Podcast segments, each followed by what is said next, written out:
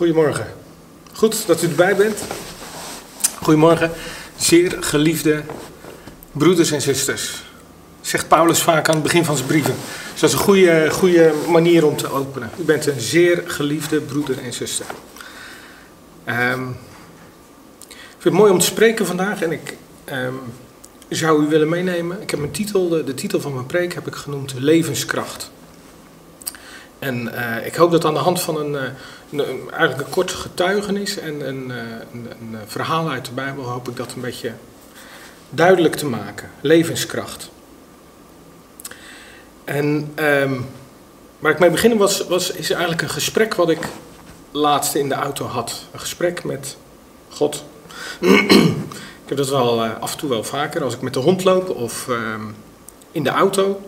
Dat ik ja, in gedachten aan het bidden ben en dat, ik, uh, dat er een gesprek ontstaat tussen, tussen de Heer en mij. En dat ik soms hardop, maar soms ook in gedachten vragen stel en dat er gedachten komen en dat ik dan ja, een, een, een wedervraag krijg of een, uh, of een antwoord.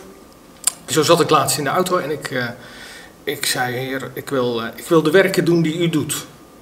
Um, en um, ik zei, maar Heer, um, waar bent u? Het was een beetje beetje stil die week in mijn leven. Uh, en ik zei, heer, waar, eh, waar bent u? En ik reed over de A29 naar het zuiden. Uh, kwam bij Niemandsdorp en er stond daar een hele mooie rij groene bomen. En mijn oog viel daarop.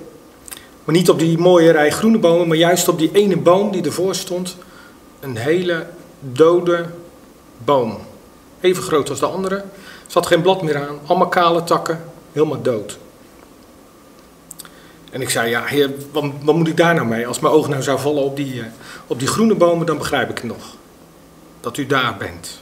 Maar wat moet ik nou toch met een dode boom? En zei de heer, ja maar um, wat, kan, wat, wat, wat kun je daarmee? Wat kun je met een dode boom? Ik dacht, nou, met een beetje geluk kan je er, um, kun je er iets moois van maken. Een mooie tafel, je kunt hem nog gebruiken voor een uh, kozijn of voor een deur. Uh, dat is het nog, nog het beste wat je ervan kunt maken. Oké. Um, wat zou je er nog meer mee kunnen doen? Ik dacht, nou heer, je zou er... Um, je zou hem ook nog aan stukken kunnen zagen. Dan kun je hem op, uh, opbranden en dan heb je er ook nog een beetje warmte van of gezelligheid. Oké. Wat nog meer? Dacht, ja, maar ja, als het heel erg is, dan, uh, dan ligt hij straks op de grond, plat. Dan verrot hij, um, dan vergaat hij. En dan, uh, ja, dan, uh, dan leven er misschien nog beesten van. Ehm, als je mazzel hebt, dan komt het in de bodem terecht. En dan, ehm, ja, dan dient het als, misschien als voeding voor, voor andere planten. En toen liet de Heer me eigenlijk zien, zie je dat ik vanuit een dode boom, dat ik daar, dat dat voor mij niet het einde is. Uh, een boom die geen, ja, waar geen groen meer aan zit, waar geen toekomst meer in zit, waar geen, uh, geen mooie, mooie dingen meer aan te zien zijn, dat is voor mij niet het einde. Dat is niet het einde van die boom, dat is niet het einde van, van de situatie, maar dat is voor mij nog steeds, geeft mij dat mogelijkheden voor een doel ik kan uit die dode boom kan ik nog steeds goede dingen halen. En toen dacht ik, ja, bijzonder dat God zegt, natuurlijk kun je mij zien om je heen, maar zelfs vanuit uitzichtloze situaties uh, kan ik nog steeds iets moois maken, iets nieuws. Nieuw leven, nieuwe planten die groeien op een oude boom, op een dode boom. Um, dat was mijn gesprekje zo met de Heer. En dat was bijzonder om te merken dat um, dat God uit uitzichtloze situaties iets moois kan, uh, kan doen. Toen dacht ik, hoe kan ik dat zeg maar verbinden met, met misschien met een oud verhaal of met, een, uh, met iets vanuit het woord. en uh, toen vond ik een, uh, vond ik een stuk. en het is een overbekend verhaal, u kent het allemaal. Ehm, maar het leest, sorry, het leest eigenlijk weg als een sprookje. Ik heb eens over het boek Esther verteld. En eigenlijk is dit boek precies hetzelfde. Van begin tot eind, als je het leest, uh, alles zit erin. Alles van het leven. Uh, alle tegenspoed, alle voorspoed. alles komt, komt terug. Misschien weten we al waar ik, het, waar ik het dan over heb. Maar dan heb ik het over het verhaal van Naomi en Rut. En ik wil daar een stukje, stukje van lezen. Even de inleiding van, van het boek. En uh, het gaat over Rut 1, vers 1. In de, in, de dagen toen de richters richten, zo geschiedde het dat er honger was. En daarom trok een man van Bethlehem, Juda, om als vreemdeling te verkeren in de velden van Moab. Hij en zijn vrouw en zijn twee zonen. En de naam nu van deze man was Elimelech. En de naam van zijn vrouw Naomi. En de naam van zijn twee zonen Machlon, Giljon, Efratite van Bethlehem, Juda. En zij kwamen in de velden van Moab en bleven daar al daar. En dan, Elimelech, de man van Naomi, sterft. En zij werd overgelaten met haar twee zonen. Dus Elimelech besluit om weg te gaan uit, eh, uit zijn geboorteland, uit zijn geboortestad. Hij neemt zijn vrouw en kinderen mee, zijn twee zonen. Ze gaan naar een vreemd land, waar waarschijnlijk wel voldoende voedsel is. En hij is daar en dan sterft hij en dan blijft zijn vrouw met twee zonen blijft over. Nou, als je, als je het hebt over een moeilijke situatie, dan, uh, dan kun je wel zeggen dat Naomi het niet makkelijk gehad zal hebben. Achterblijven, je man uh, besluit om weg te gaan. Je gaat samen als gezin weg en dan valt de man valt weg in dat gezin. Dus dat was voor Naomi waarschijnlijk een, een hele mm, lastige, hele moeilijke situatie. Ja, en dan gaat het verhaal verder, dat weten we natuurlijk. Die zonen die worden ouder en die zoeken een vrouw. Twee Moabitische vrouwen, Orpa en Rut. Daar trouwen ze mee. En die sterven vervolgens, sterven de zonen van Naomi. Um, ja, en dat moet voor Naomi een, geweldig, een geweldige klop zijn geweest. Achterblijven in een vreemd land, in een vreemde situatie, weg van je geboortestreek, weg van je familie, van iedereen die je kent, van datgene wat, uh, wat vertrouwd is. En dan blijf je alleen achter met je twee schoondochters. Gelukkig heeft ze twee schoondochters. Maar dat moet voor Naomi een ontzettend moeilijke situatie zijn. En dat beschrijft ze ook, want dan zegt ze, een stukje verder zegt ze tegen haar schoondochters, hè, er gaat, gebeurt nog wat tussendoor, maar dan zegt ze, want het is mij veel bitterder dan u. De hand, de hand des Heren is tegen mij uitgegaan. En dan zegt ze ook in later, zegt ze ook, vol trok ik weg, maar leeg heeft mij de Heer doen wederkeren. De Heer heeft tegen mij getuigd en de Almachtige mij kwaad aangedaan. En daar heeft ze geen antwoord op. Ze heeft geen antwoord op die ontzettend moeilijke situatie waarin ze terecht is gekomen. Waarom overlijdt je man? Waarom overlijden je twee zonen? Je bent in een vreemd land en ze voelt zich als het ware in de steek gelaten. Ze voelt zich um, door de Heer um, afgedaan eigenlijk. En het lijkt wel alsof de Heer tegen haar is. Zo verwoordt ze het. De Heer is tegen me. Hij heeft me. Waarom heeft hij me kwaad aangedaan, zegt ze. En op een gegeven moment besluit ze van, weet je wat, ik ga terug. Ik ga terug naar het land van mijn geboorte, naar de familie, naar uh, datgene wat ik ken, waar ik groot geworden ben. Um, want er is een goed bericht geweest en dat is dat de Heer uh, Israël weer heeft bezocht. Er is weer opnieuw eten, er, weer, er zijn weer mogelijkheden. En Naomi zegt, ik ga terug, terug naar dat land. En dan zegt ze tegen haar schoondochters: Joh, zoek hier een nieuwe man. Ga terug naar het huis van je ouders. Ga terug naar je vader en moeder. Zoek een nieuwe man, want bij mij heb je geen toekomst. Ik kan geen kinderen baren. Ik heb geen zonen waar je op kunt wachten. Ga terug. Um, en dat zegt, ze, dat zegt ze zelfs drie keer. En ze zegt drie keer tegen haar schoondochters: keert weer. En ieder tot het huis van haar moeder. En een paar versen verder weer, keer weer, mijn dochters. En dan laatste keer, keer weer, mijn dochters, ga naar het huis van je ouders. Zij weet natuurlijk dat de dochters, dat haar schoondochters ehm, eh, niet, niet in Israël zijn opgegroeid. Ehm, dat, ze, dat hun wortels, hun familie, de vertrouwde omgeving, dat dat Moab is. En ze zegt, joh, laat mij teruggaan. Het is voor mij veel moeilijker dan voor jullie. Jullie hebben nog een toekomst, jullie kunnen nog een nieuwe man zoeken.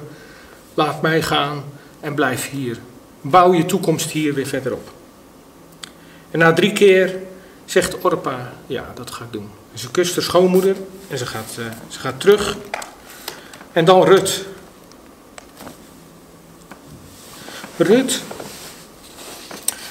Rut zegt iets heel anders. Rut heeft in haar schoonmoeder gezien, ondanks de ontzettend moeilijke situatie waarin haar schoonmoeder en zij verkeren, ondanks al die tegenslag die ze ervaren hebben, heeft ze iets in haar schoonmoeder gezien en in de God van Israël. En ze heeft gezegd: Zeg het niet meer tegen me. Want Naomi zegt nog een keer tegen Rut, als Orpa weg is, zegt ze nog een keer: Rut, ga terug naar je ouders. En Rut zegt: Val me niet langer lastig. Zeg het niet weer, want ik heb me verbonden aan je. Ik wil met jou terug, of ik wil met jou mee naar dat land. En ze zegt, ze verbindt zichzelf zo dat ze zegt: uh, Uw volk is mijn volk en uw God is mijn God. Dus ze, verbindt zich met Naomi, met het volk van Naomi en met de God van Naomi. Ze heeft iets gezien in Naomi wat haar, um, wat haar misschien wel geholpen heeft in haar verdriet om het verlies van haar man. En ze heeft zich verbonden, als het ware een hartsverbondenheid met Naomi. En ze zegt: Stop ermee, vraag het niet langer. Waar jij heen gaat, daar ga ik heen. En ze maakt het zelfs nog strenger, ze maakt het nog duidelijker. Ze zegt: uh, Ze zweert bij God en ze zegt: Waar u sterft, daar zal ik sterven. Ik ga met u mee, wat het ook kost. Het moet voor Naomi een heel bijzonder moment zijn geweest. Dat Rut zich zo met haar verbindt. Ze hadden natuurlijk samen een ontzettend moeilijke periode gehad je man verliezen. Um, en dan samen door dat verdriet heen gaan. En dan, um, dan weer een besluit nemen om samen een nieuwe toekomst te gaan zoeken. Het moet een hele bijzondere vriendschap tussen die twee geworden zijn. En dan gaan ze terug en dan komen ze in Bethlehem. En daar kennen ze haar natuurlijk nog. Ze kennen de familie van Elimelech en van Naomi. En het verhaal doet de ronde dat ze haar man en zonen heeft verloren. En ze noemen haar Naomi en ze zegt: Het is zo bitter, noem mij maar Mara. Vol trok ik weg, vers 21, maar leeg heeft mij de Heer doen wederkeren. Waarom zou het mij Naomi noemen, daar de Heer tegen mij getuigt? en de Almachtige mij kwaad heeft aangedaan. En zo kwamen Naomi weer en Rut, de Moabitische, haar schoondochter, met haar uit de velden van Moab. En ze kwamen te Bethlehem in het begin van de gerstenoogst. Er was weer eten, er was weer toekomst, er was weer hoop in het land waar Naomi vandaan komt. En Rut heeft alles verlaten, haar familie, haar uh, geboortegrond, haar vertrouwde omgeving. Dat alles heeft ze achtergelaten. En ze is als het ware toegevoegd aan het volk Israël. Ze is uitgenomen uit het volk Moab en ze is toegevoegd aan Israël. Ze heeft zich onlosmakelijk als het ware verbonden met de God van Israël. En als we daarnaar kijken, dan, uh, ja, dan ontstond bij mij de relatie met het inenten. Rut is als het ware uitgenomen en is ingeënt in het volk Israël. Ze is deel uit gaan maken van dat volk Israël. Dat inenten, daar wil ik zo meteen op verder gaan. En we kennen natuurlijk het vervolg van de geschiedenis. Het is een prachtig verhaal. Ik zou zeggen, lees het, lees het vervolg, want daar ga ik verder niet op in. Maar ze komt bij Boas. En Boas verlost haar. Verlost haar. Ehm, koopt uh, de geboortegrond van Naomi. Rut wordt zijn vrouw. Ze krijgen kinderen. En ehm, uiteindelijk uh, wordt koning David is in het geslachtsregister van Boas. Boas krijgt Obed, Obed krijgt Isaïe en Isaïe krijgt David. En David wordt koning. Stel je toch voor dat Naomi dat geweten had. Dat Rut de overgrootmoeder was of zou worden van David. Ik weet het niet, misschien heeft Rut David nog gekend. Ik heb geen idee. Maar Rut is opgenomen in dat bijzondere geslachtsregister, uiteindelijk van Jezus, waarin Boas genoemd wordt en koning David. En daarmee is deze hele geschiedenis eigenlijk, krijgt een hele bijzondere plaats ook eigenlijk in, eh, in die hele lijn. En Rut, die zich zo verbindt, die wordt daarmee onderdeel van die geschiedenis. Heel bijzonder. En ehm, ja, het vervolg van het verhaal is, is, ehm, is prachtig. Maar goed, zou willen, u willen uitnodigen om dat zelf, uh, zelf te lezen. En uit die uitzichtloze situatie waar uh, Naomi zich in bevond, daar groeit als het ware nieuw leven, daar groeit een nieuwe geschiedenis, daar groeit een, nieuwe, um, een nieuw verhaal als het ware. En ik zou u willen vragen, misschien, misschien heeft u dat gevoel ook wel, dat u zegt van ik zit in, ik zit in een hele moeilijke situatie. Um, ik heb weinig uitzicht, ik heb weinig hoop. Uh, misschien heeft u zelfs wel het gevoel van ja, waar is God? Of um, wat, wat gebeurt er? Um, hoe kan ik verder? Misschien zijn dat vragen die we allemaal wel eens een keer hebben, zo nu en dan. Misschien leeft die vraag bij u. Dan kan ik u zeggen, er is um, iets in u wat een wending gaat brengen. Want u bent um, vol van een kracht, van een levenskracht, die de geschiedenis, die het verhaal gaat veranderen. Dat is die levenskracht. En dan wil ik met u gaan naar, naar Johannes 15. Johannes 15, dat weet u misschien wel, dat gaat over de, de ware wijnstok. Overbekend ook.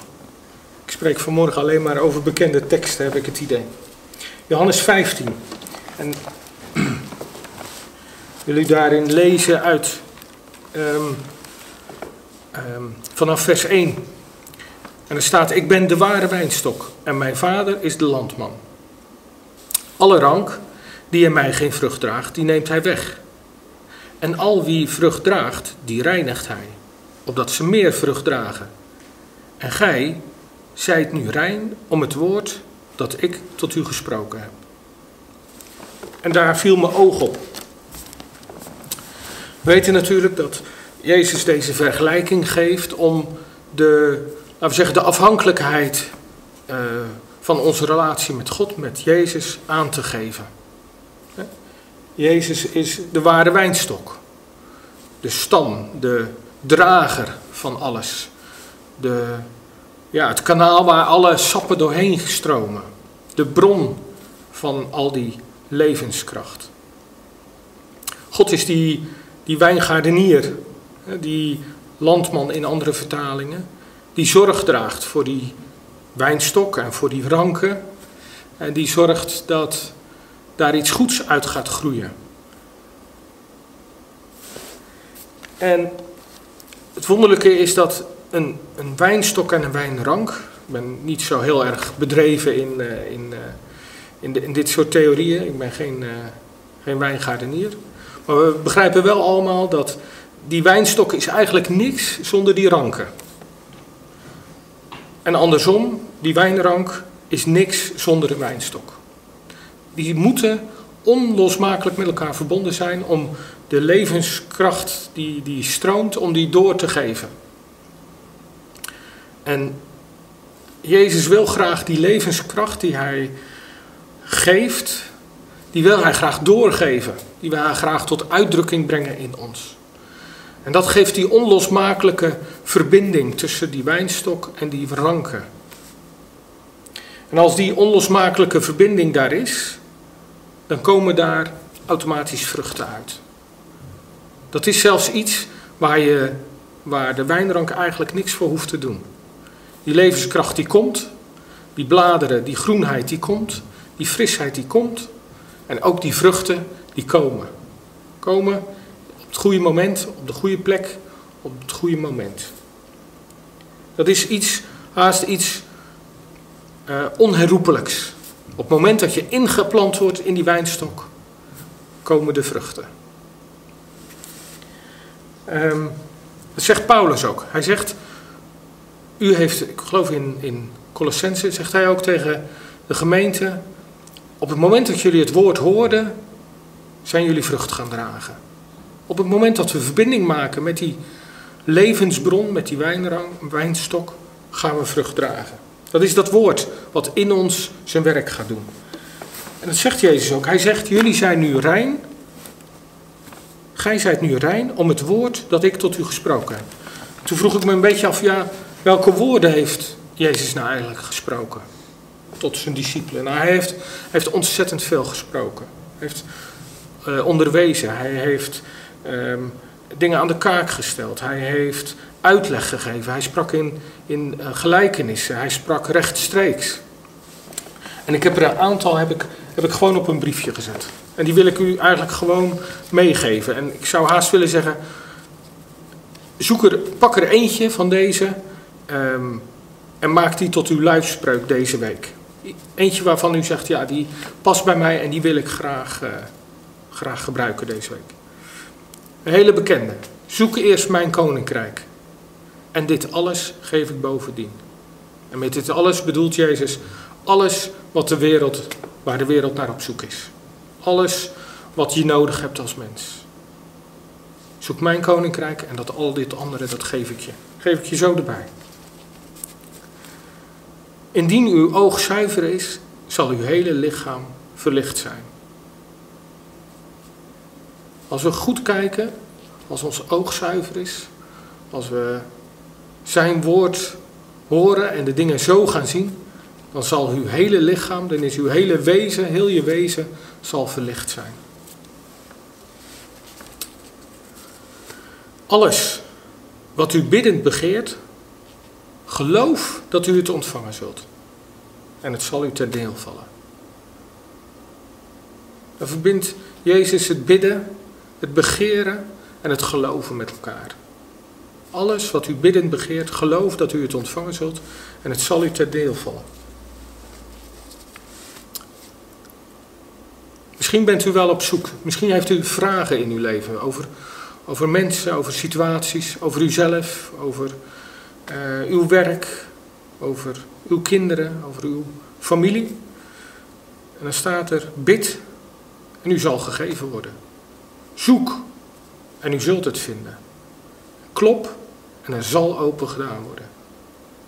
Dat, is een, dat zijn geestelijke waarheden die Jezus ons geeft en die zijn ja en amen.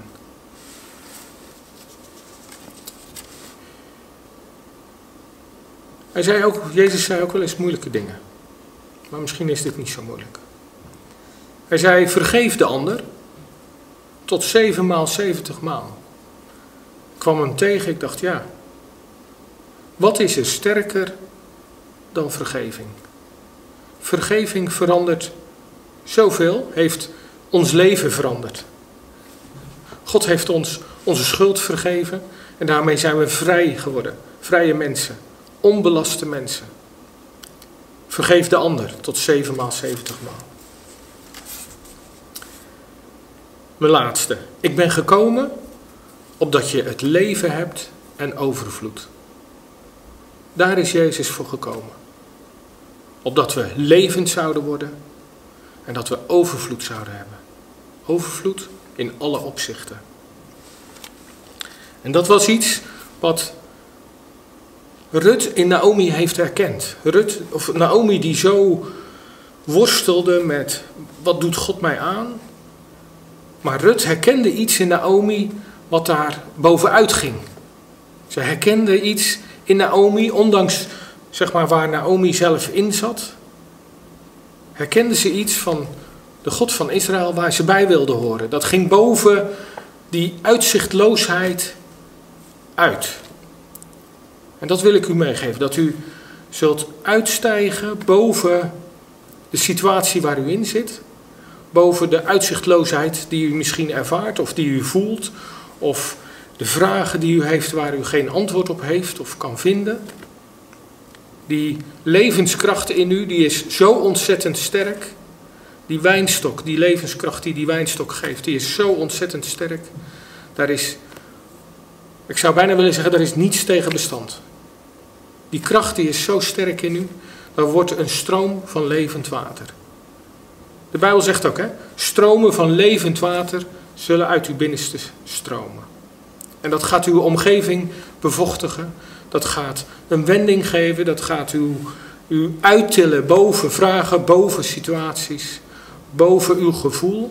En dat gaat u krachtig maken, dat gaat u bevestigen in wat u doet. En daarin mag u weten dat wat u begeert in zijn naam, dat zal u gegeven worden. Het zijn niet mijn woorden, het zijn woorden die Jezus keer op keer spreekt. Er zijn er een paar bij en ik, heb er, ik kan er nog heel veel um, uit, uit het Nieuwe Testament halen. Bid, begeert, zoek God en hij gaat je geven de begeerte van je hart. Die levenskracht die is zo sterk. Mijn, uh, mijn moeder heeft ook een, uh, een, een, wijnstok in de tuin staan. En daar had iemand, weet niet wie, had daar een keer een tak afgezaagd. Uh, ik denk in de zomer of in het najaar. En, en het sap wat eruit kwam, dat bleef maar stromen. Dat was niet dicht te krijgen. Daar heeft een van mijn zussen op een gegeven moment een, een, een, een ijzeren um, um, slang, ja, slangenklem, ik weet niet of u dat kent, maar een metaal opgezet en helemaal vastgedraaid om die, die stroom tegen te houden. Zo sterk is de stuwing van die wijnstok. En die stuwing in, van die wijnstok, die levenskracht, die is ook in u. U hebt Jezus aangenomen en daarmee heeft, bent u geplant in die wijnstok. Daarmee is de stroom op gang gekomen. En die stroom gaat doen waar die voor bedoeld is. U wordt groen en er komen vruchten. En die vruchten worden vermeerderd. En hoeft u niet naar op zoek te gaan, dat gaat komen. Die boom, die is vol en die gaat zijn vrucht geven op zijn tijd. Ik zou willen afsluiten met twee versen uit hetzelfde stuk. En er staat in vers 7, Johannes 15, vers 7: Indien gij in mij blijft, we verbonden blijven met die wijnstok, en mijn woorden in u blijven, zo wat gij wilt, zult gij begeren, en het zal u geschieden. Eigenlijk is de herhaling van wat ik net al heb gezegd. Wat gij wilt, zult gij begeren, en het zal u geschieden. En als laatste, omdat, me dat zo bijzonder, omdat ik dat zo bijzonder vond, is dat Jezus een, een aantal versen verder zegt, plaatst hij ons eigenlijk op een heel ander niveau met hem. Hij zegt namelijk, in vers 15 van hetzelfde stuk zegt hij, ik noem u niet meer dienstknechten, want de dienstknecht weet niet wat zijn Heer doet. Geeft een heel duidelijk verschil aan. Een Heer die beslissingen neemt en die bepaalt hoe de dingen gebeuren, die legt geen verantwoording af aan zijn dienstknecht. Die geeft alleen maar zijn opdrachten. Die zegt: doe dit, doe dat, doe het zo, ik wil dat je dat gaat doen. Dat is de verhouding tussen een heer en een dienstknecht. Maar Jezus zegt: Ik noem jullie geen dienstknechten meer, maar ik heb u vrienden genoemd. Waarom? Omdat al wat ik van mijn vader gehoord heb, dat heb ik u bekendgemaakt. Hij trekt ons als het ware op hetzelfde niveau. Hij, hij, hij zegt, je bent mijn vriend geworden.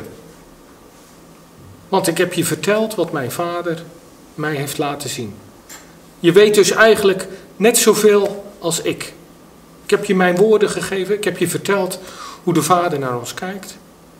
En ik heb je vrienden genoemd. En dat is bijzonder, dat we vrienden zijn geworden van Jezus. Ja, als zijn woorden in ons blijven, als we doen wat, wat zijn woord ons aangeeft.